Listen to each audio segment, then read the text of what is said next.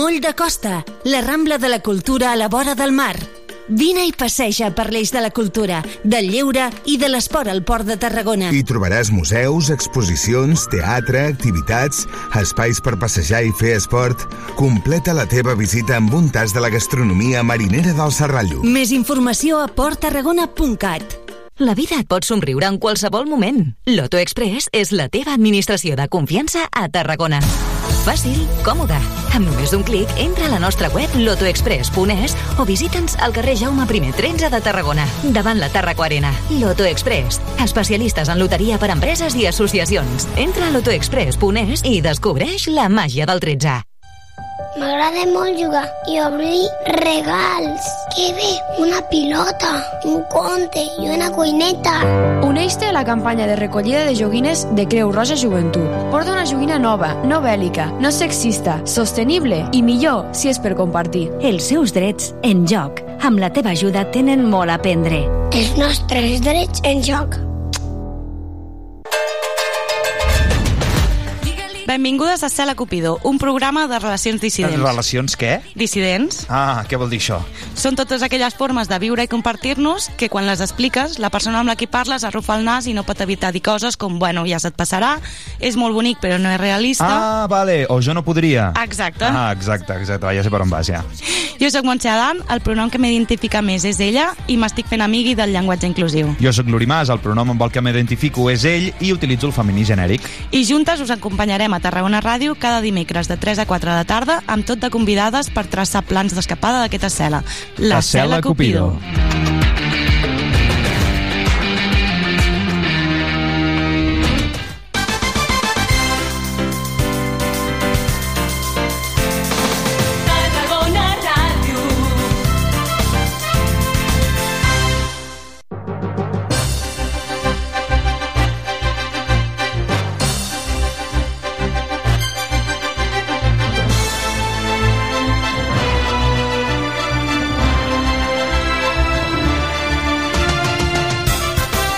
Sempre Nàstic, el programa de referència de l'actualitat del Nàstic a Tarragona Ràdio.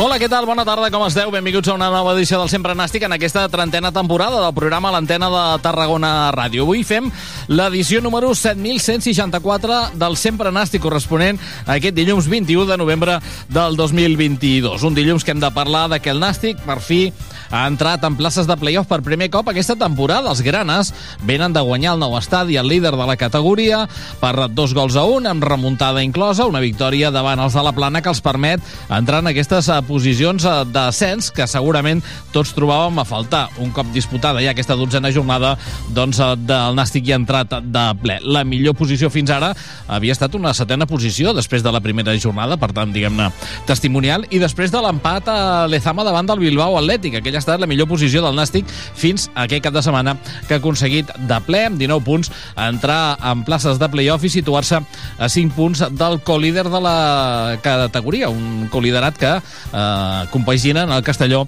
i l'Eldense. Un partit, el d'aquest cap de setmana, en què futbolísticament, segurament, eh, no podem parlar massa de cosa. Mm, futbolísticament jo crec que pràcticament a ningú ens va agradar el paper del Nàstic, però sí que podem parlar d'altres eh, d'altres coses, no? D'aquest eh, punx, d'aquest punt d'honor, d'aquestes ganes, d'aquest sacrifici que hi posa que hi posa l'equip, que va per totes i que demostra una setmana més que aquest Nàstic està unit i que també està unit amb el seu entrenador, perquè des de que ha superat l'ultimàtum Raül Agné, entre Lliga i Copa ha, ha sumat a quatre victòries i un empat. Per tant, fa cinc jornades que el Nàstic eh, no perd. Veurem si a poc a poc el Nàstic també va millorant el joc i torna a ser un equip fiable i va escalant posicions a la classificació.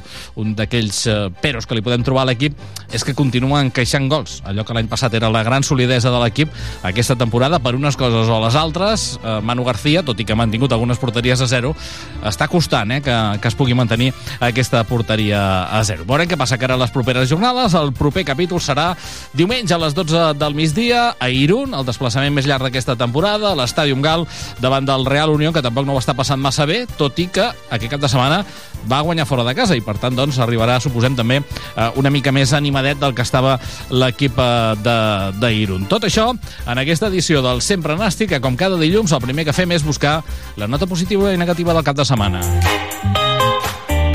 Sempre Nàstic, el semàfor.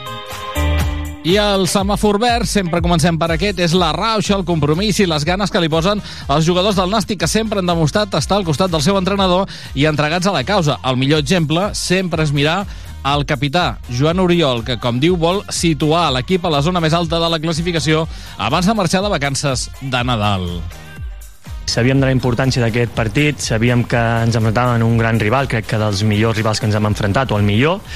Eh, era un partit molt important, perquè si no marxaven a 11, a 11 punts, eh, havíem de retallar di distància i bueno, venim d'una dinàmica positiva on l'equip va creixent, on l'equip es troba bé tant anímicament com físicament i la victòria era molt, molt important aquí al nou estadi davant dels, dels nostres. No?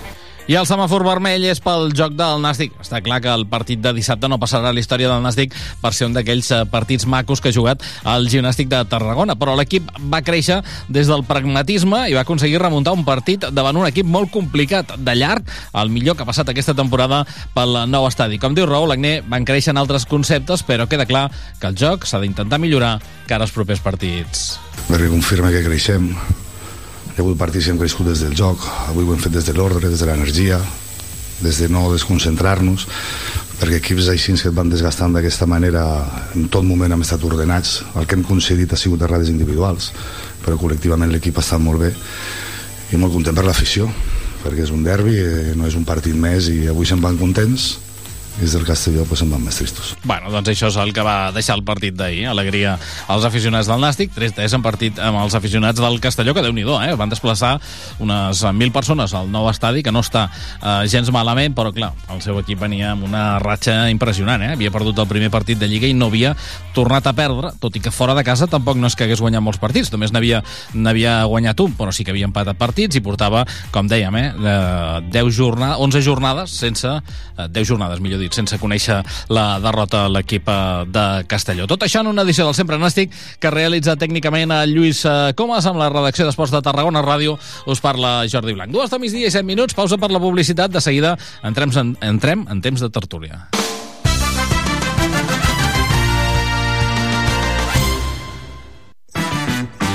Arriben els Black Days a Parc Central.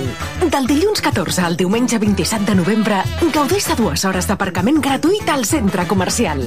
Consulta les condicions de la promoció i recull el teu val al punt d'atenció al client. Parc Central, el centre comercial de Tarragona. Tens menys de 36 anys? Coneixes algú que els tingui? Doncs ara, per menys del que costa una pizza, podreu gaudir dels espectacles de la nova temporada de tardor-hivern de Tarragona Cultura. Teatre, música, dansa, circ i molt, molt més. Us oferim descomptes de fins al 60%, sí, sí, ho heu sentit bé. Consulteu-ne tota la informació a cultura.tarragona.cat. Cultura a l'abast de tothom. Ajuntament de Tarragona. A Tarragona, mantinguem la ciutat neta. Recull els excrements del teu gos i aboca una mica d'aigua als orins. No fer-ho pot comportar una sanció de 300 euros. Cuidem entre tots la ciutat. Ajuntament de Tarragona.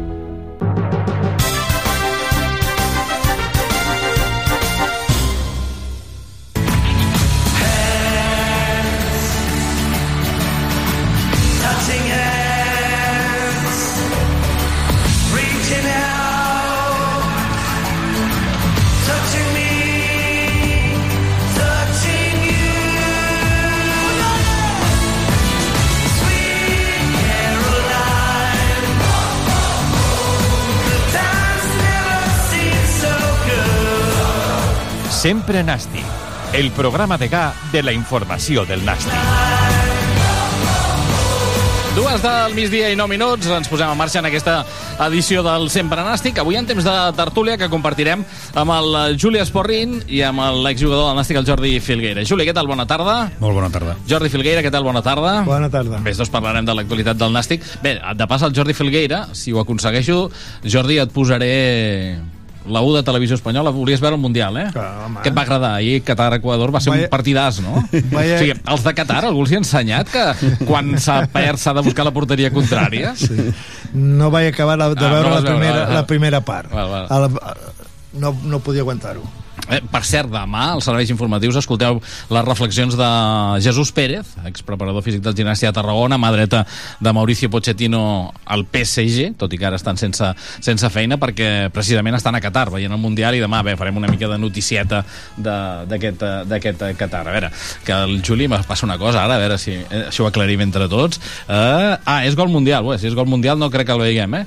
De totes formes, Inglaterra 0, Iran 0, minut 10 de la primera meitat, eh?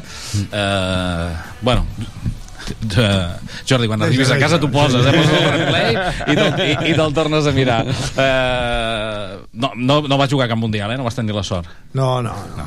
Però bé, però Jordi Filgueira va jugar a primera divisió amb el Màlaga, eh, format al planter del, del Ginàstic de Tarragona, precisament el Màlaga, que és el proper rival del Nàstic a la Copa del Rei, amb aquest horari magnífic que ha posat la federació, dijous 22 de desembre a les, a les 9 de la nit, eh, davant, de, davant de, del Màlaga. Eh, quins records et porta Màlaga i tota aquella etapa de, de futbolista, perquè suposo que, que bé, el salt de, de marxar de casa teva per anar-te'n a, a Màlaga i a més a més a primera divisió suposo que sí, era un salt important, eh? Va ser un, un salt molt important, perquè quan comences a jugar se tens la il·lusió de poder arribar a primera divisió, però la realitat és que comencen molts i n'acaben molt pocs a primera divisió, no? Jo vaig tindre la sort de tenir totes temporades molt bones amb el gimnàstic, que va, teníem un equip bestial, que ara estava veient amb el, el, l'equip que feia el millor equip del nàstic, el, el, A la Copa del Rei? no, el, el Pujol, Ah, vale, l'Enric Pujol, sí. al diari i posaves alineacions la que, i del, de l'equip que jo vaig estar hi ha tres de, jugador, de jugadors o sigui, vam tindre dos anys d'un equip amb molt bons jugadors. Va sortir l'Amigó el Manolito Romero i vaig sortir jo amb, tres, amb dos o tres anys de diferència. I bueno, pues, va ser una antihistòria jugar a primera divisió, per molt que t'expliquin i en aquell temps, jo no sé ara però en aquell temps hi havia una diferència molt gran, jo crec que ara no hi ha tanta diferència amb el tracte amb els jugadors, amb tot. Llavors hi havia moltíssima. I si te'n vas cap a Andalusia, allí són una gent molt oberta i pel carrer te coneixen, perquè allí a Màlaga quan jo vaig estar hi havia dos, dos diaris. Sorties, encara que no juguessis molt, cada mes sorties una vegada mínim al diari amb alguna entrevista o qualsevol cosa d'aquestes aleshores allí te coneixia tothom anaves eh, a tot arreu te, te, te, t'agafaven amb els braços oberts no? Una, és una, una experiència inolvidable i fantàstica Bueno, doncs eh, el Jordi Filgueira, que també veurà el seu Màlaga aquí a Tarragona en aquest partit de Copa del Rei. També veurem altres ex del Nàstic, eh, com Manolo Reina, com Rubén Castro, com Javi Jiménez, jugadors que juguen actualment al Màlaga que no ho està passant gens bé, ni esportivament, ni econòmica institucionalment. Eh? Per tant, veurem, veurem si aquí el Nàstic pot tenir la seva, diguem-ne, la seva arma per intentar eliminar el Màlaga i creuar-se ja amb un- la següent eliminatòria amb un equip de, de, de, primera, de primera divisió. Eh, per cert que el Jordi Filgueira, abans ho havia repassat, Jordi, no sé si te'n recordes, però tu amb, amb uh, Jaurieta havies jugat uh, Copa del Rei, uh, la primera Copa del Rei que és Copa, Copa del Rei, que no és Copa del Generalíssimos, sinó que és, que és Copa del Rei la temporada 78-79, i allà, déu nhi la de rondes que vau passar, eh? Vau jugar contra el Júpiter, vau guanyar 1-2, eh, després aquí a casa era doble partit, vau empatar a 0, amb el Gandia vau perdre 3-2 a Gandia, però vau guanyar 3-0 aquí al, al nou estadi, i contra el Burgos vau eh, guanyar eh, allà 1-0, o 0 a 1, millor dit, i aquí vau perdre 1 a 0, i els penals el Burgos va, va, va passar. Bé, són coses d'aquestes de, de la Copa del Rei. Eh, què, què et va semblar, Juli, el partit de d'ahir davant del, del Castelló B, d'ahir, no d'abans d'ahir? Bueno, va ser un partit que va complir amb les expectatives que jo crec que s'havien generat, sobretot les expectatives d'un equip de, molt bo com el Castelló, que, que va demostrar mm, veritablement el perquè és líder, i va ser, crec que una victòria de 3 punts medi en Agné, no? Eh, medi en Agné, mai més ben dit. Eh, una, una, un partit en el que mm, dones tota la iniciativa al rival, que també et planteja eh, un partit en el que va per la victòria d'una forma molt clara i eh, no sé si ho tenen estudiat així ja o no però sí que és veritat que el nostre equip es va limitar a fer eh, pilotes llargues sense amb, poc, amb molt poca transició al mig del camp i sí que és veritat que tenim una societat allà al davant Fernández Fernández no? que, que saben baixar bé la pilota i tenen verticalitat i, i van crear molts problemes a, les, a la defensa del Castelló en el moment que els arribaven pilotes. Uh, ells no van aprofitar les que van tenir que en van tenir vàries, a la primera part no van tenir una de claríssima que no, encara no entenc com la van poder fallar una, un passe al, al, a la cuina, l'àrea petita que, que un arriba allí, no, no sé si arriba tard o no sé què li passa. I, i nosaltres doncs eh, també en vam tenir alguna de bastant clara a la primera part. La, segon, eh, la segona part bueno, ells van, ells van marcar la, el gol de la forma més eh, inèdita i inesperada possible amb una, jo crec que del nostre porter, que no se li pot dir res perquè després va parar, no va parar una de claríssima a la segona part mm, va fer una, jo crec que una vista no sé exactament què va fer però jo crec que ell va veure, la va veure fora igual que jo i, i, el, i el cas és que se'l va trobar dintre va ser una, un, un gol mm, molt afortunat per part d'ells però sí que és mm, també de justícia pensar que, que anar-se'n a la mitja part al 0-1 pues no, era, no era injust, tot, tot, potser tot el contrari. A la segona part jo crec que Eh, bueno, després vam tenir la sort... A la mitja part ja va, patem el partit, part, no? Vam tenir la gran sort d'amb una jugada d'inspiració individual eh, del, vostre, del nostre bon lateral Joan Oriol, pues, eh, va fer un gol magnífic que ens va aconseguir l'empat i que ens, ens aportava equilibri i esperances de cara a la segona part. La segona part jo crec que va continuar amb el mateix guió, uh, jo diria que encara inclús més descarat que el primer, eh, donant-los la pilota amb ells, jugant, a, jugant eh, amb una defensa molt, molt, molt, molt dura i forta, van, ens vam, vam tenir la, la sort de que el porter ens va salvar els primers minuts a l'1 a 2 i, bueno, i quan, quan l'equip comença a crear perill, joc i oportunitats i ells no les, no les, pas, no les posen dins doncs et donen la, la, la, la, doncs la, la, la, la sort mm, doncs la chance a l'adversari no? que, mm. com diuen els argentins i al final doncs, el que passa és que, que, que ells no la, tu no la poses i tu en tens una i la una que tens eh, de pilota aturada va dins eh, aquest és el, el, el resum del partit teva, perquè eh? al final eh, a mi sincerament eh, accepto aquest tipus de partit amb un Castelló però quan vinguin equips de baix doncs no, no, no, no, no el veurem bons ulls. I, i, i diumenge anem al camp d'un equip que, en el que haurem de demostrar eh, perquè, som, perquè estem on estem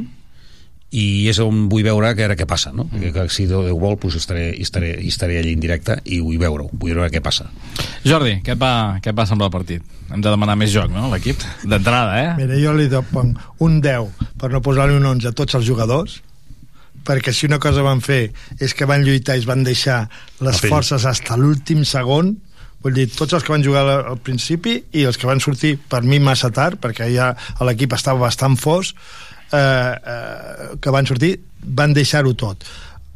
I un zero per l'entrenador. Per l'entrenador un zero. És que ja les, les, les declaracions d'ell és que anaven a, amb això. A veure, estàs en un gimnàstic que no sé el pressupost que té del gimnàstic, però el gimnàstic la seva fita i ell ho sap perquè segurament que li van renovar per, per dient-li que tenia que sí o sí eh, quedar entre, entre els cinc primers o sis primers i, i el primer no ho sé si no li han dit xeques de cap, perquè el gimnàstic ha de lluitar pel primer i a mi em va donar la sensació que era eh, resultadista, sí, eh, company de l'Esporrin és molt, molt positiu sempre, jo sóc més negatiu eh? però, però jo no vaig veure tantes, tantes jugades de, de perill. La segona part va ser 70-30 de joc. Jo, el, si li mirem el, el GPS del Guillermo segurament que va fer més quilòmetres que en tots els partits d'això va dir que pujar 10 o 12 quilòmetres i va, jugar, va tocar tres pilotes. O sigui, va fer un partit d'atletisme, no de futbol perquè l'únic que va fer va ser córrer. I així el 80% dels jugadors. Però la culpa no era d'ells, que ells, insisteixo, un 10 perquè mm, va fer el que li deia l'entrenador, lluitar, intentar pressionar com podia, però no, jugar a la pilota és que no feien tres passes seguits, era pilotar damunt, pilotar damunt, però pilotar damunt que, que després no sortia res. Després van fer internacional al Fabrici. Fabricio, sí. El Fabricio este, internacional, l'han cridat per anar a jugar a Qatar ja. Escolta, Espero que no sigui la selecció de Qatar, eh, pobre mira, xiquet. com juguen, els central, com juguen els centrals nostres, puc jugar jo, pot jugar el Julio, pot jugar tu perquè és que no van a pressionar quan van a, se retira una mica a, a buscar-li l'esquena al, al Marc eh, Montalvo que el Fabrizio el que feia era tirar-se cap enrere per buscar-li una miqueta l'esquena a Mon- Montalvo N- n- eh, si rebia la pilota mai la, la xutxava una pilota dividida mai li xutxaven ells s'esperaven a la zona. Això jo entenc que té que ser qüestió d'entrenador. Però què passa? que Marc Montalvo se tenia que tirar enrere per tapar una miqueta a, amb el Fabrici o el que li vingués per allí i llavors quedava el Calavera lliure per rebre. Si no el, el, el, l'altre...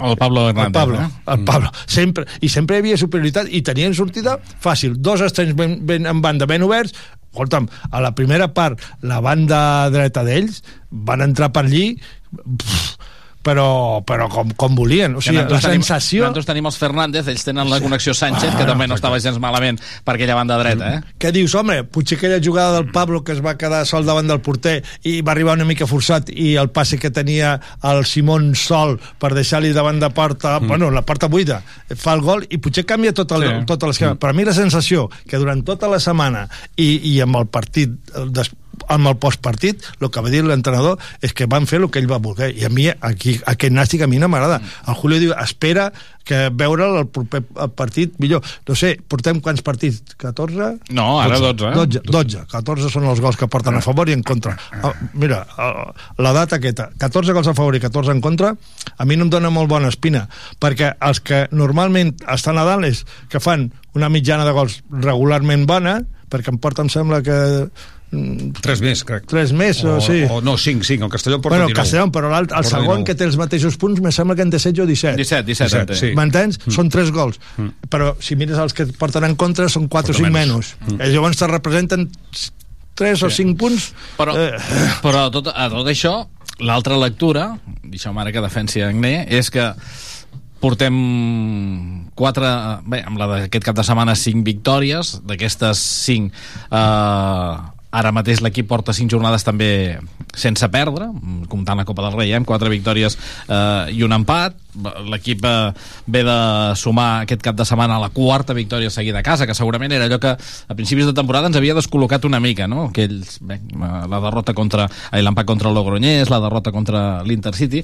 Sembla que poquet a poquet no? s'hi va posant remei. Sí que segurament no és a través del joc, o almenys encara no és a través del joc. Bueno, portem una rèmora, eh, pel que deia el Jordi, portem una rèmora de gols en contra, això és veritat, i vam començar bastant malament en aquest sentit. Si una de les coses bones teníem l'any passat era és que no ens feia, era molt difícil fer-nos fer, -nos, gols, eh, jo crec que els últims partits mm, la defensa ha millorat bastant, perquè, si més no, l'altre dia dis, dis, dissabte ens hem pogut fer algun més però les vam fer de la forma més iversemblant possible i jo crec que mm, el tema de seguretat defensiva s'ha equilibrat bastant, estem creixent per aquí potser no sé si recuperant la mateixa seguretat defensiva que teníem l'any passat però han millorat bastant uh, però sí que jo encara pues, segueixo dient que l'assignatura pendent és eh, veure partits on portem la iniciativa, no? Perquè si no portem la iniciativa, difícilment podrem ser un dels equips que estigui dalt. Si es fixeu, si fixeu, la, la classificació ho diu tot, no? Eh, estem cinquers i, i espero que d'aquí ja no sortim fins a final de temporada però serà difícil, no? Tenim, equips eh, darrere pressionant-nos amb un, dos, tres punts menys de diferència a, fins a mitja taula, però és que amb el descens estem a sis punts, dos partits. Això diu, Però diu que està molt apretat, no? Clar, diu molt de la igualtat que hi ha i si més no també és favorable des del punt de vista positiu o sigui, tot pot ser no hem de mirar d'una forma pejorativa, no? perquè també podem pensar que els altres pensen el mateix que nosaltres, no? a dir, que estem tots dins d'un mocador, Per tant, no hi ha tret del Castelló, que semblava que marxava de la, de la classificació i ara el tenim a 5 punts, eh, no hi ha ningú que, que hagi marcat les diferències en aquest sentit. Però sí que, si més no, doncs, bueno, jo li demano a l'entrenador que doncs jo, si vaig a veure el partit a Irún, vull veure un partit... Bueno, a mi, o sigui, jo no et diré res que sortim d'Irún i hagin fet un partit com els va fer el Castelló aquí i sortim perdent. O sigui, jo no et diré res. O sigui, jo, jo no m'enfadaré estaré trist pel resultat, però estaré content pel joc, no?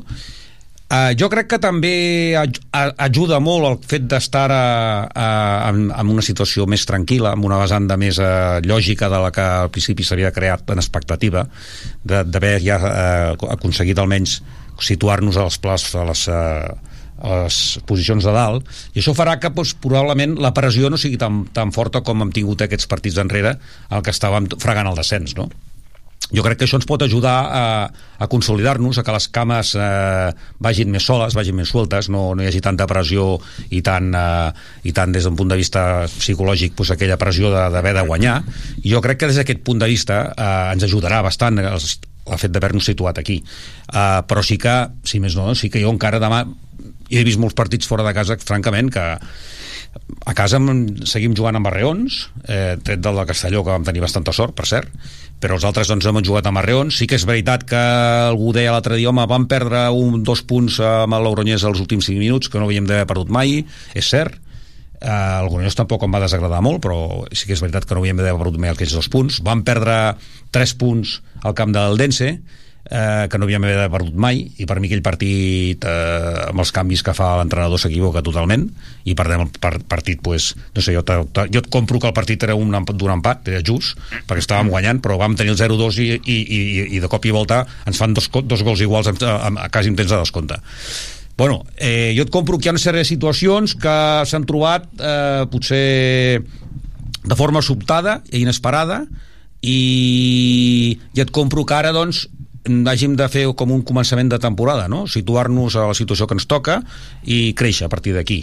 Uh, i, i és a partir d'ara que hem de donar el do de pit i vull veure aquest equip doncs, de, del que és capaç jo crec que ha de ser capaç de créixer molt més del que fins ara ens ha, ens ha demostrat i donar molt més joc del que fins ara ens ha demostrat jo és que el vaig veure també, no sé quin partit va ser casa que va fer un partit que me va agradar molt uh...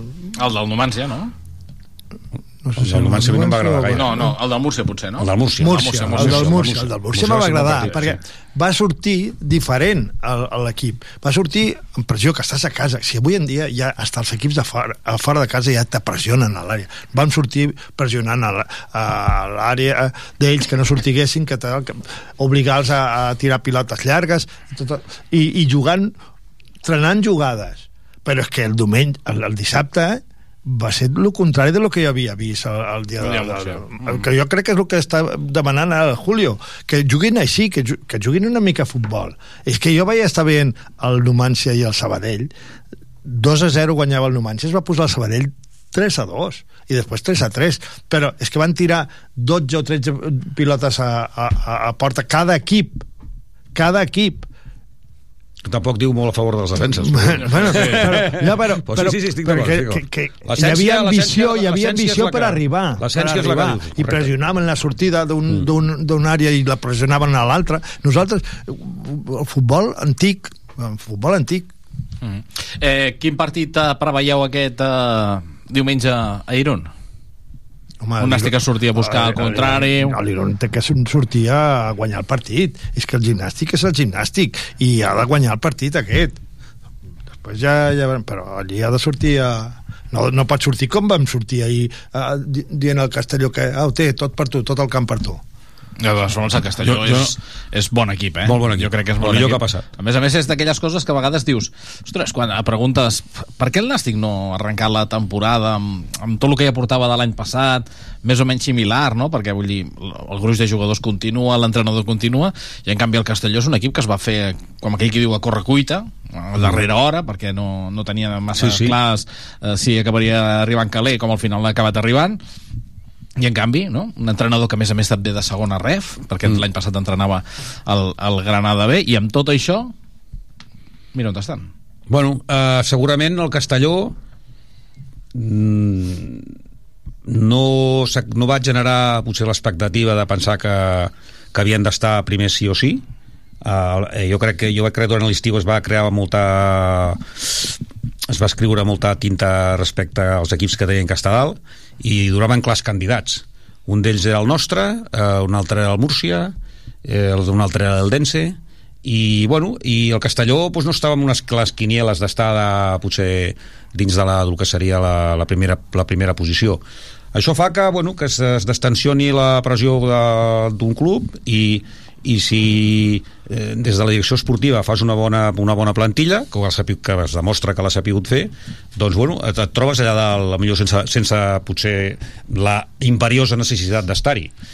I la veritat és que té un equipàs ha fet un equipàs que, que, que se li ha de treure el, t'has de treure el barret perquè hi ha jugadors que que, que a mi em van semblar que són d'una altra categoria fins i tot, i no sé d'on els han tret com el Fabricio aquest eh, sí que és veritat que el té cedit al, al Llevant I l'altre, el Chorasvili també, no? Exacte, també. I llavors crec que també des d'aquí hem sapigut aprofitar oportunitats del mercat que potser nosaltres pues, no, no les han sapigut aprofitar. Però, però jo crec que això acaba de començar. Estem en un terç de, la, de, de Lliga. Eh, jo crec que en aquest segon terç de Lliga eh, sabre, sabrem on estarà, on, on se situarà i on ha d'estar cadascú. No? Jo crec que nosaltres ara comencem un, un periple de, de, de, de, de partits que, que amb certa confiança ens pot anar bé. Eh, segueixo insistint que ara deies què passarà a Irún. Uh, bueno, és la gran assignatura pendent, no? no uh, demostrar que fora de casa som capaços de portar la iniciativa del joc i més en camps en els que estem si un, vol equip, un equip vol estar dalt de tot estem obligats a guanyar és que almenys jugar per guanyar no dic que surtis guanyant i perquè els altres també aquesta, juguen aquesta temporada, Però- aquesta assignatura l'ha superat abans, no? No. L'any passat va costar molt, aquest any Però- va guanyar el camp de, de les Gaunes davant la Societat Sí, Deportiva però- Logroñés, però després va tornar a guanyar en Copa del Rei. però, però jo recordo partits tristos al camp de la Real Societat, no cal dir-ho, que van perdre, al camp del. Bilbao Atlètic l'altre dia eh, van fer el penes, el pena, diguem- diguem-ho així de clar, si algú va mereixer guanyar va ser el Bilbao Atlètic, no nosaltres. El camp del Calahorra... Per cert, acaben de destituir l'entrenador del Bilbao Atlètic, eh? L'acaben de destituir, sí. Pues, sí, pues, imagina't, i, i vam estar a punt de perdre nosaltres, perquè les dues ocasions més clares va ser el Bilbao Atlètic. El camp del Calahorra van fer el pena, el camp de la, el camp de la Nucia, que està... És que estem parlant d'equips que estan a baix, cony. El camp de la Nucia van fer el pena i mitja. És a dir, hòstia, eh, jo acabo, no sé, tinc, tinc encara aquesta sensació de... Sap, Mira, eh, la veritat és que aquest entrenador ja el coneixem de l'any passat i ara el que estaves explicant tu és el mateix que passava l'any passat. El que passa que enguany tenim entre cometes la sort de que fora de casa fem, fem un parell de gols o, o un gol i traiem punts, hem guanyat un ultimàtum que vaya bé i que els jugadors van, se'n van donar compte bueno, van demostrar que amb l'entrenador estaven a, a tope perquè si no eh, els, dos, els dos resultats o sigui, amb aquest aspecte però la forma de jugar i tot això al final jo dic que el, el partit del Múrcia va ser un miratge perquè com diuen en castellà la, la, la cabra sempre va, va al monte no? pues ell jugarà com li agrada a ell jugar. I és eh, pilota amunt i ja està. I, i si són en tres tocs millor que, que amb, un, mm, que amb cinc arribar a, mm. llavors el joc no, no s'arriba llavors jo te dic una cosa i diran aquest Jordi sempre és igual bueno, sí. Jo crec que aquests resultats positius tant de bo m'equivoqui eh? tant de bo m'equivoqui això serà un perjudici per gimnàstic perquè quan tindran que canviar, voldran canviar l'entrenador quan giri la truita, perquè no està millorant perquè ara, jo clar, els de fora no els veig però el Julio m'està explicant d'alguns tal i qual del joc que és nefast i tot això me corrobora que només és, són resultats el que tenim fins ara. Si esperem a canviar, porta, porta ja un any si hagués sigut, dius, bueno, comença. És que l'entrenador del Castelló porta en guany i, i el, el joc el genera, el, el fa la, la tàctica la fa Sí, sí, l'entrenador i la forma de jugar la dona l'entrenador. No, si, els jugadors que té i fa el d'això. I aquest és que li han portat jugadors nous jugadors eh, no nous. I, i, i juga igual que l'any passat. I millor plantilla aquest any que l'any passat o què? Jo crec que sí. En línies generals jo diria que està més equilibrada. jo també, jo crec que sí, Sí, jo crec té que sí. un, al davant per ja té un delanter centre que Segueix faltant la gran sí, assignatura que- pendent per mi, que és la de la direcció, de- la, la direcció del, de, de, de, De l'equip, eh? Però- És la gran assignatura pendent d'aquest equip, perquè no, no hem trobat encara aquella aquell Abel Boades que vam tenir. No, no, no l'hem oh, pogut Per cert, recuperar encara. Vau, res, vau respirar alleugerats quan vau veure que Dani Romera no jugava de titular i després ja vam esbrinar que, que estava lesionat? Jo ho sabia fer una setmana, Sí. sí. M'ho havien dit. M'havien dit que, que jugaven al despiste i que, Però- que, que estava, estava, estava, tenia un trencament. Home, jo t'ho fibrilar. dic una cosa, si el Castelló Uh, quants gols ha fet els sis que porta els ha fet a casa o fora de casa perquè el Castelló ca- a fora de casa era el primer partit que guanyava per tant a fora de casa Crec que els ha fet majoritàriament a casa, A casa, però, sí. però crec que algun l'ha fet fora, també. i, i ja jugava el Fabrici aquest o el Fabrizio o com se digui o, i com, Bueno, com juguen? No, no anava a puntes? jugar, jugava més Dani Romera, no?, que Fabrizio, Sí. crec jo. Sí, Dani Sí, Romera. pues, El que passa que, clar, dos, dos, el punt, dos puntes diferents, Sí, eh? el Perquè, que clar, per això un anava a dir, és... és que no podien jugar llavors amb dos ales ben obertes com jugaven a, a, abans d'ahir. Jugarien en dos puntos, no? Uh, si jugava el Dani Romero. Però és que el Fabrizio aquest se va fer internacional perquè és que sempre estava sol perquè és el que et dic jo, que no, no anaven a per ell els, els, els centrals. Els centrals vivien molt, molt, molt bé i, i jo crec que això és un problema bastant gran perquè ens generen que és que al al mig camp van fer tots els metres que havia i més i no, no, no, no oloraven la pilota. I els delanters el mateix, tapant que se tiressin un costat o l'altre. Nosaltres volíem fer el mateix i el tercer l'altre o, la, o li donàvem al contrari o la tiràvem malament. Perquè ens pressionàvem i no sabíem què fer. Això és tàctica, sistema de joc Sí, tu has de tenir un sistema de joc que sàpigues que en sortida posicions aquí i, i les possibles no tindre una sortida Sí, només, està- tindre està diverses que crec que- possibilitats de passe. I això no que no es veu. I tu veus un, el, el futbol del Castelló és un, un equip treballat i el nostre és un equip treballat per a defensar. Bueno, o per, dos, i per o, córrer o dos estils diferents, no? Bueno, que el que vulguis. una de les coses que, que, que, que crida molt l'atenció és que el Nàstic sempre busca eh, diguem-ne, que s'incrusti Marc Montalvo entre els centrals per començar a jugar en pilota de jugada i en canvi els eh, carrilers o els laterals els poses al mi- al mig del camp, en canvi el Castelló ho feia a l'inversa, no? El Castelló sortia amb els, eh, tre, amb els dos defenses i els laterals al darrere i eh, d'aquesta manera Jordi Calavera, que és el seu pivot defensiu, no havia de venir a rebre la pilota, sinó que ja s'incrustava més endavant, i a partir d'aquí Pablo Fernández, que bé, va tenir que fer una feina espectacular per intentar tapar una mica el futbolista de Cabra del Camp. Bé, són, són estils diferents, no? Vull dir... per això li va agafar la rampa que li va agafar Sí. és el que et dic Qui? A Pablo, a Pablo, Pablo, sí, bueno, sí. però Pablo té 37 anys. O... No, No, Pablo Fernández, el el nostre, el nostre, Ah, sí, clar, home, estava, estava, estava, estava estasiat, però, havia fotut bueno, Home, tapava molt allí al mig del Sí, camp. Clar, estava estasiat. Quan va arribar això. aquella jugada que, Clar, arribes fos. que vam tenir No possibilitat de marcar, no tens sang al cervell. eh, jo vaig veure, ostres, ha fet un passe molt raro.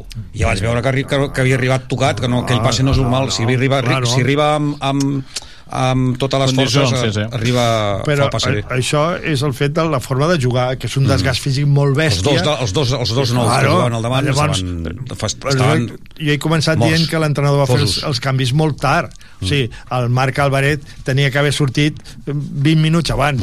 I el, i el d'això, perquè és que es veia vindre de que l'única possibilitat de que hagués algun gol del gimnàstic era amb alguna falta o un, sí. un, un, un, una pilota una llarga jugada que la- que d'estratègia, la- una que la jugada d'estratègia, i- sí.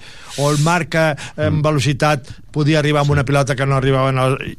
alguna cosa així, però el va treure 10, 10 minuts abans d'acabar el partit, me sembla. Mm, sí, sí. Bueno, És que doncs, també, eh, si mires l'alineació, quan tu veus la disposició tàctica al damunt del camp, ja veus que al mig del camp ho trobes buit, no? Trobes el Marc Montalvo sol, eh, barallant-se amb, amb Déu i sa mare, Sí. però a Paio, que se li ha de treure, Sí. sí. el barret i em poso de girolls, Ah. un xaval de la cantera, i, i, i clar, veus una mica la, la, la, les, les pautes per on, per on, per on van, Ja, no? Veus, Veurem, veurem si a poc a poc l'equip va millorar encara les properes setmanes. Em diu el Lluís que ja tenim el José Antonio Luaces, per tant, us agraeixo, Jordi Filgueira, Juli Esporrin, que ens hàgiu acompanyat, que vagi molt bé fins la propera. Fins la propera, però guanyarem 1 a 2. Guanyarem una a dos, vale. Vinga, de eh, també? T'apuntes, sí, sí, sí. Doncs uh, ho anem deixant uh, aquí, amb aquest temps de tertúlia amb el Juli i el Jordi Filgueira, uh, i saludem ja al José Antonio Luaces, amb ell encetem la recta final d'aquesta edició del Sempre Nàstic. José Antonio, què tal? Bona tarda. Bona tarda, Jordi. Sempre Nàstic. L'altra lliga amb José Antonio Luaces.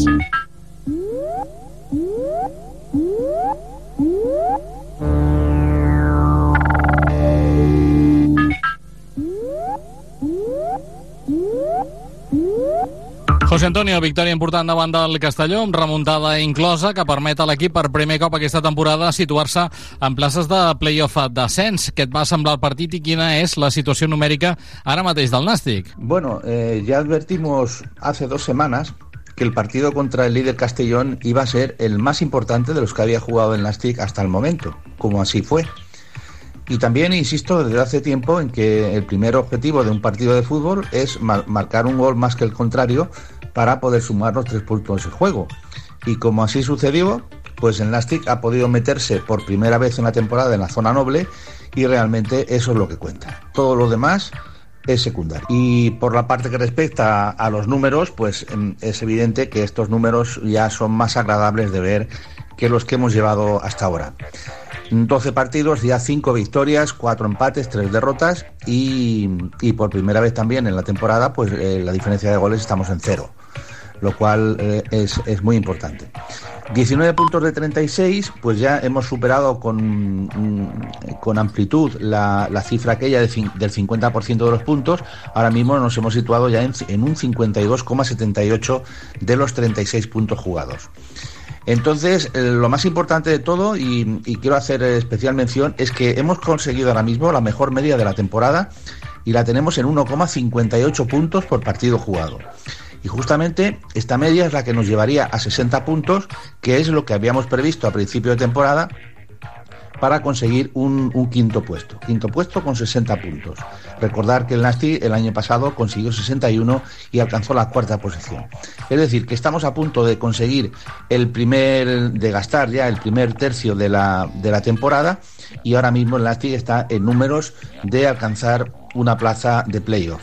Ahora lo que hace falta es eh, mantenerse y procurar que esta media de 1,58 eh, no, la, no bajemos de aquí y que, que, la podamos aumentar en los próximos partidos para que eh, podamos incluso optar a la primera plaza de la, del grup. Aquesta temporada fent comparativa respecte a la temporada passada, què va passar en aquella dotzena jornada de Lliga? En aquella jornada mm, decimosegunda de la temporada pasada, mm, por Tarragona no soplaban buenos vientos puesto que el Nastic empató en casa contra el Lucan Murcia por 2 a 2, con goles de. Primero se, adelantó Chemi, el 0-1, después empató Ribelles, y antes de llegar al descanso, Chemi eh, volvió a ponerse por delante para, para el Lucan Murcia. Y Robert Simón en la segunda parte pues consiguió dejar un definitivo 2 a 2. Y también quiero recordar que en el minuto 58, con media hora por delante, eh, Lucas Murcia se quedó con un hombre menos por oh, resultar expulsado farrando por doble tarjeta amarilla. Así que con aquel empate, el Nastic quedó en la octava plaza con 19 puntos de 36, los mismos que tenía la Andorra, que era séptimo, y a 6 puntos del líder Villarreal, que tenía 25, concretamente uno más que tiene el Castellón ahora mismo. Así que el actual Nasti tiene los mismos puntos que el de la pasada temporada en esta jornada y, curiosamente, se encuentra situado tres puestos más arriba en la clasificación general, concretamente en la quinta plaza de la zona noble. Y es que aquel Nasti pues ya acumulaba tres partidos sin ganar i no seria l'últim. I ara el proper pas del Nàstic és anar a jugar fora de casa amb un equip de la zona baixa de la classificació. Visitarà aquest cap de setmana l'estàdium Mungal per jugar-hi diumenge a les 12 del migdia davant del Real Unión d'Irún. Com, està, com veus el partit? El próximo fin de semana el Nàstic viajará hasta Irún para enfrentarse el domingo en, en horario de 12 del mediodía al Real Unión Club. Que esta jornada decimosegunda ha dado la sorpresa al vencer a domicilio al Intercity por 1 a 2 y lo ha metido precisamente en descenso. Y esto le ha permitido dejar el farolillo rojo que tenía la, semana pasada y subir hasta la decimoséptima posición, todavía en, zona de descenso, eh, pero ya con 13 puntos de 36 y además a uno solo de salir de esa ah, peligrosa y caliente zona de descenso. Así que mm, bueno, en principio va a ser un partido con, eh, con muchas ganas de ellos de, salir de la zona del censo, o sea que ya nos podemos imaginar que el, partido va a tener una cierta tensión. Y en caso de victoria del Nasti, pues sumaría 22 puntos de 39, lo cual elevaría ya la, media, la, la, velocidad esta de crucero que digo yo, a 1,68. Perfecto, puesto que podría avanzar una o dos posiciones, pero claro, dependiendo de lo que haga el Real Murcia y la Real Sociedad, que son los que nos preceden en esa zona noble. Entonces, en caso de empate, sumaría 20 puntos y su posición pues va a depender también de lo que pase en el, en el, en el partido Castellón-Real Murcia. Fijaos, Castellón contra el, el, líder contra el Real Murcia. Y también de lo que hagan los cuatro equipos que le siguen en la clasificación, que están muy cerquita de nosotros, así que si sumaran dos puntos más que nosotros, pues lógicamente podríamos bajar a la zona a la zona media alta como ocurriría en caso de que lamentablemente perdiéramos allí en el campo del, del Irún. Principals estadístiques, José Antonio, que ens ha deixat aquesta dotzena jornada al grup 2, al grup 2 de Primera Federació? Pues en, en esta decimosegunda jornada eh, se ha dado un reparto de victorias y empates simil, eh, bueno, igual que se dio en la, en la jornada cuarta. Concretamente han sido cinco victorias locales, cuatro empates y tan solo una victoria visitante que ha sido la que acabamos de decir de Real Unión Club. En total 120 partidos jugados hasta el momento, 54 victorias locales, se recuperan con un 45% del total, 34 empates que sube a un 28%, ojo porque nos acercamos a un a un empate por cada, cada tres partidos, lo cual pues igualaría mucho más las cosas. Y, y concretamente superan, eh, superan ahora mismo a la victoria visitantes que son 32 y tiene un porcentaje de un 27%. En cuanto a goles ha marcado una buena cifra, 25, 16 han sido locales y 9 visitantes, lo que da una media de 2,50. Y en el total de 120 partidos, los equipos de casa han conseguido ya marcar 157 goles, supone un 57%, y los equipos visitantes 115, lo que da un, un total de 272 y una media de 2,27 que de seguir así pues iríamos a ritmo de superar ligeramente los 850, 850 goles al final de la, de la temporada. Eh, un apunte solo. El, en estos momentos el grupo primero nos supera en 15 goles. El total de 15 goles. I això ho rematem, José Antonio, com cada dilluns amb el trofeu Pichichi Zamora, com el tenim? Y en el trofeo Pichichi pues tenemos una agradable sorpresa y es que a Eneco Jauregui, el delantero de la Morevita, que iba, iba, va primero con 8 goles, pues se le ha unido Nacho, el delantero del Real Unión de Irún, que a pesar de que el equipo está en, en zona de descenso, pues él con el doblete que ha conseguido esta semana ya se ha colocado aquí en cabeza. Eh, recordemos también que fue capaz de marcarle dos goles al, mismísimo Cádiz en el partido de la Copa. Así que ojo porque este jugador ha marcado 8 de los 12 goles que lleva el Real Unión Club y lo tendremos enfrente en el próximo domingo. En segunda posición siguen los mismos de la semana pasada, Dani Romera, Pedro León, Iceta y, y Dioni del, del Baleares. Y en tercera también eh, Unzueta del, del, Sociedad Deportiva Logroñés y Chemi del, del Intercity, ambos con, con, cinco goles. Y por lo que respecta al, al Zamora, pues ya, ya lo avisamos hace, hace un par de semanas. En primer lugar, es colocado Alfonso Pastor, que a pesar de que ayer, con el, el sábado, con, encajó dos goles, pues se ha puesto en primera posición porque hasta ahora lleva cuatro goles encajados en nueve partidos. Ya lleva jugado el 75% de los partidos jugados hasta la fecha y tiene un cociente de 0,44, un cociente buenísimo. En segunda posición hay tres porteros muy igualados, Ismagil del Numancia, Vallejo, el portero del Eldense, y Bañuz eh, del Alcoyano, que también andan ahí los tres en un pañuelo alrededor de 0,75 de, de, cociente. Y en tercera posición, Miguel, el portero del Calahorra, que también está en descenso, que mmm, creo que está de, de baja por, por, lesión, y Lucas Anáquer, el portero del Cornellá, que están los dos ahí eh, con 0,89 y 0,92, siendo los, últimos, o sea, los últimos porteros que todavía eh, están por debajo de su cociente, me refiero, está por debajo de la unidad. Y por último, decir que respecto a los goleadores del Nasti, seguimos teniendo 8 goleadores de 21 futbolistas utilizados por Raúl Agné y que nos alegramos muchísimo de los goles del, del capitán Joan Oriol y, Bonilla, ese, ese, magnífico líder directo, que le colocan en segunda posición con dos goles junto a Pablo Fernández. Indicar que Guillermo sigue primero con, con cuatro y luego con tres pues eh, aún siguen Roberto Robert Simón, Macar Valez, Marc Montalvo y Josema.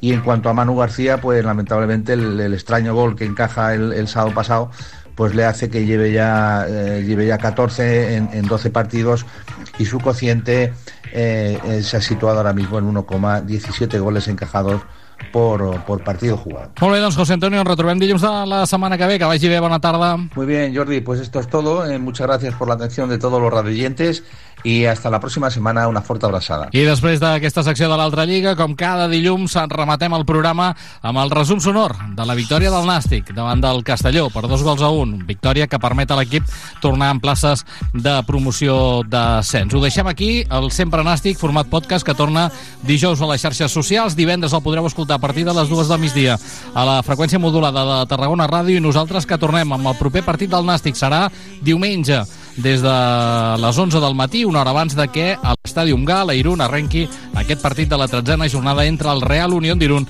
i el Nàstic. Que vagi bé, bona tarda. like she's right there 5 en punt de la tarda, xiula Campos Salinas ha arrencat el partit al nou estadi i a la sintonia de Tarragona Ràdio la primera del partit pel Nàstic llançament amunt de Josema Pantina aquí, zona ampla del terreny de joc Pedro del Campo, la salva Mar Montalvo que l'envia amunt i en definitiva que el partit ha començat encara amb la variant totalment aturada, per tant hi haurà gent que arribarà tard avui al, al partit, una bona entrada la millor de la temporada perquè també ajudarà aquests mil aficionats que han vingut de, de Castelló per veure el seu equip. La pilota d'Aaron Rey, carril de la banda esquerra que vol entrar cap dins l'àrea, que ho aconseguirà acaba caient falta, falta bona pel Nàstic falta bona, de... Sí. reclama Joan Oriol targeta, eh? Clar, és que jo crec que si pita falta té que treure targeta. I la treu, eh? I la treu. Doncs mira, Però- targeta pel lateral del Castelló, crec que és Manu Sánchez, el que ha vist la primera targeta del partit per aquesta falta sobre Aaron Rey, que ho ha fet molt bé el desplaçament per entrar dins l'àrea, acaba tirant a terra el jugador del Gimnàstic de Tarragona, tot el Castelló tancat pràcticament dins de la petita, tanca de dos, posarà la pilota. Aaron Rey, la deixa la curta cap a Pedro del Campo, Alfonso Pastor atura, que bona la jugada d'estratègia, Pedro del Campo estava lliure de marcatge perquè estava fora de l'àrea, tal com li ve, jo crec que no l'ha Sí, enganxat però- de primeres, i el Xuli acaba sortint eh, una mica forçadet, tot i això l'ajusta molt al pal dret de la porteria d'Alfonso Pastor. La buscava ara aquí Pablo Fernández, lluitava amb Calavera, la pilota per Pablo Fernández que entrarà sol dins l'àrea, llançament, la pilota, oh! Déu-n'hi-do, ara Pablo Fernández ha malgastat una bona jugada, pilota per Robert Simón, llançament de Robert Simón, fora! La jugada de Pablo Fernández no pot ser més bona. S'han anat dels seus defensors, tal i com ha pogut. Com sempre, li ha fallat la definició a Sí. l'Asturià, perquè la pilota no és per Guillermo, la pilota és perquè tu la posis a foradar la xarxa de la porteria d'Alfonso Pastor. No, i per Guillermo era bona també, el que passa que la tens que donar abans, no? Ha apurat una miqueta massa, si la dona amb l'avantatge Ah, que arribava de Guillermo... Però quan li dona Guillermo, Guillermo el tens al teu costat. Per això clar, que ha no esperat una res. miqueta, no? Si li dona un pèl abans... La busca Josep Calavera, però la guanyarà Pablo Fernández. És bona per Pablo, pilota per Aaron Rey. Aaron Rey que pot pujar amunt. Llàstima que li han tocat la pilota des del darrere. La controla Montalvo cap a Pedro del Campo, que cap a Aaron Rey altra vegada.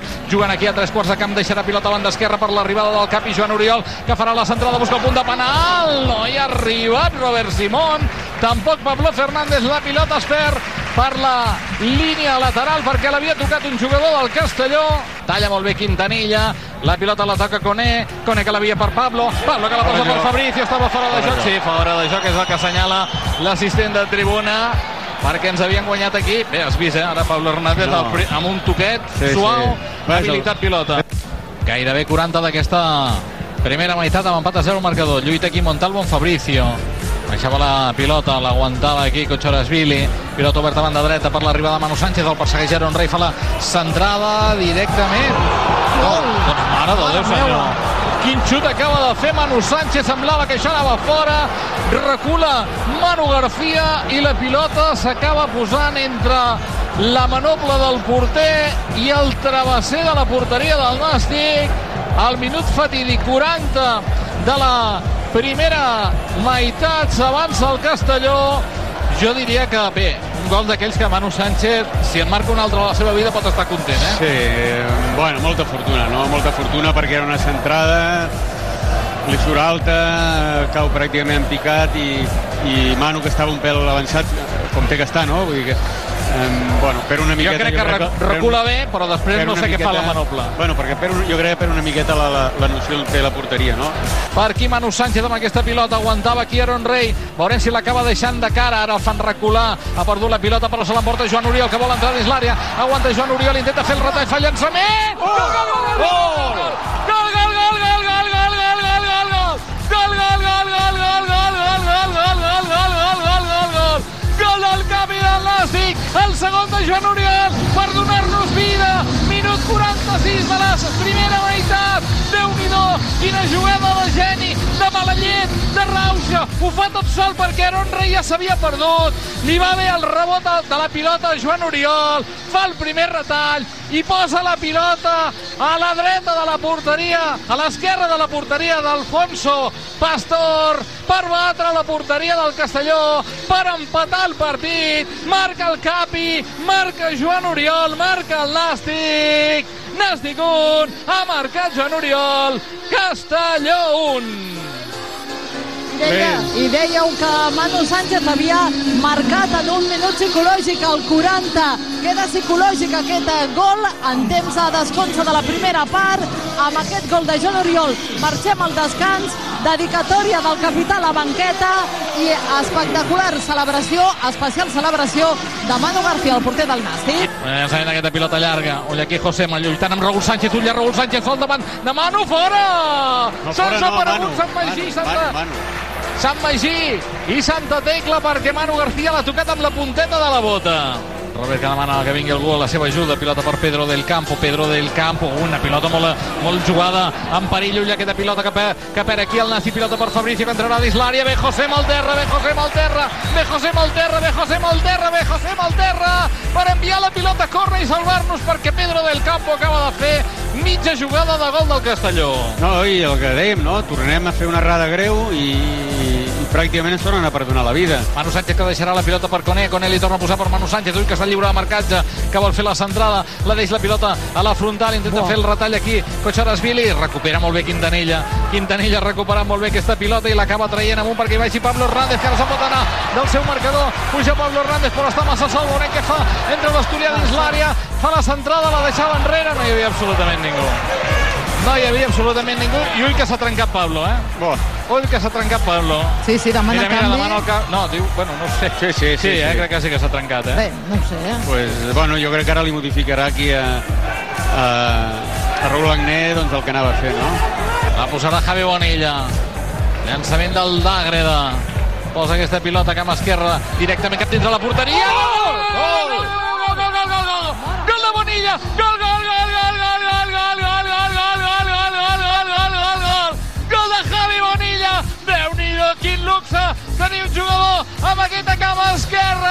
Quina paràbola li ha fotut a la pilota quan algú la buscava per rematar la pilota i havia passat de llarg i s'acaba colant a la dreta de la porteria d'Alfonso Pastor. Passava aquesta setmana pel sempre nàstic. Deia que treballava per ser titular. Continua treballant. Quin golarro acaba de marcar Javi Bonilla, el segon d'aquesta temporada. Marca Bonilla, s'avança el Nàstic. Nàstic 2, Castelló 1, ha marcat Centenari Bonilla. També per, suspe, per, sur, també per sorprendre absolutament el porter del Castelló, Alfonso Pastor, amb aquest xut de falta. Feia pocs minuts que havia sortit a Javi Bonilla al camp per posar el Nàstic per davant en el marcador, per aixecar el nou estadi i per celebrar-lo abraçat amb tota la banqueta i els jugadors al camp del Nàstic. I hem d'estar atents en totes les jugades. Pilota que li arriba al cap de José Gómez, que se la treu de sobre, que la controlava Fabricio, que Fabricio encara porta la pilota, l'hem de raconar en aquella banda com ho farà Javi Bonilla. Fabricio que encara vol jugar, l'acaba traient Joan Oriol, amb Eric Montes, que l'envia directament amunt perquè corri Marc Álvarez, sortirà el porter Alfonso Pastor. Sense contemplacions, directament l'ha enviat a la grada Eh, final, i això s'ha acabat, s'ha acabat, s'ha acabat, s'ha acabat, s'ha acabat, s'ha acabat, s'ha acabat. S'ha acabat el nou estadi a la sintonia de Tarragona Ràdio per sumar la cinquena victòria d'aquesta Lliga, per esgarrapar-li 3 punts al Castelló, per situar-nos a 5 punts dels de la Plana, amb un partit que s'havia posat molt coll amunt quan s'ha avançat al Castelló i que el Nàstic ha estat capaç de capgirar el marcador al final dels 90 minuts. Nàstic 2, Castelló 1,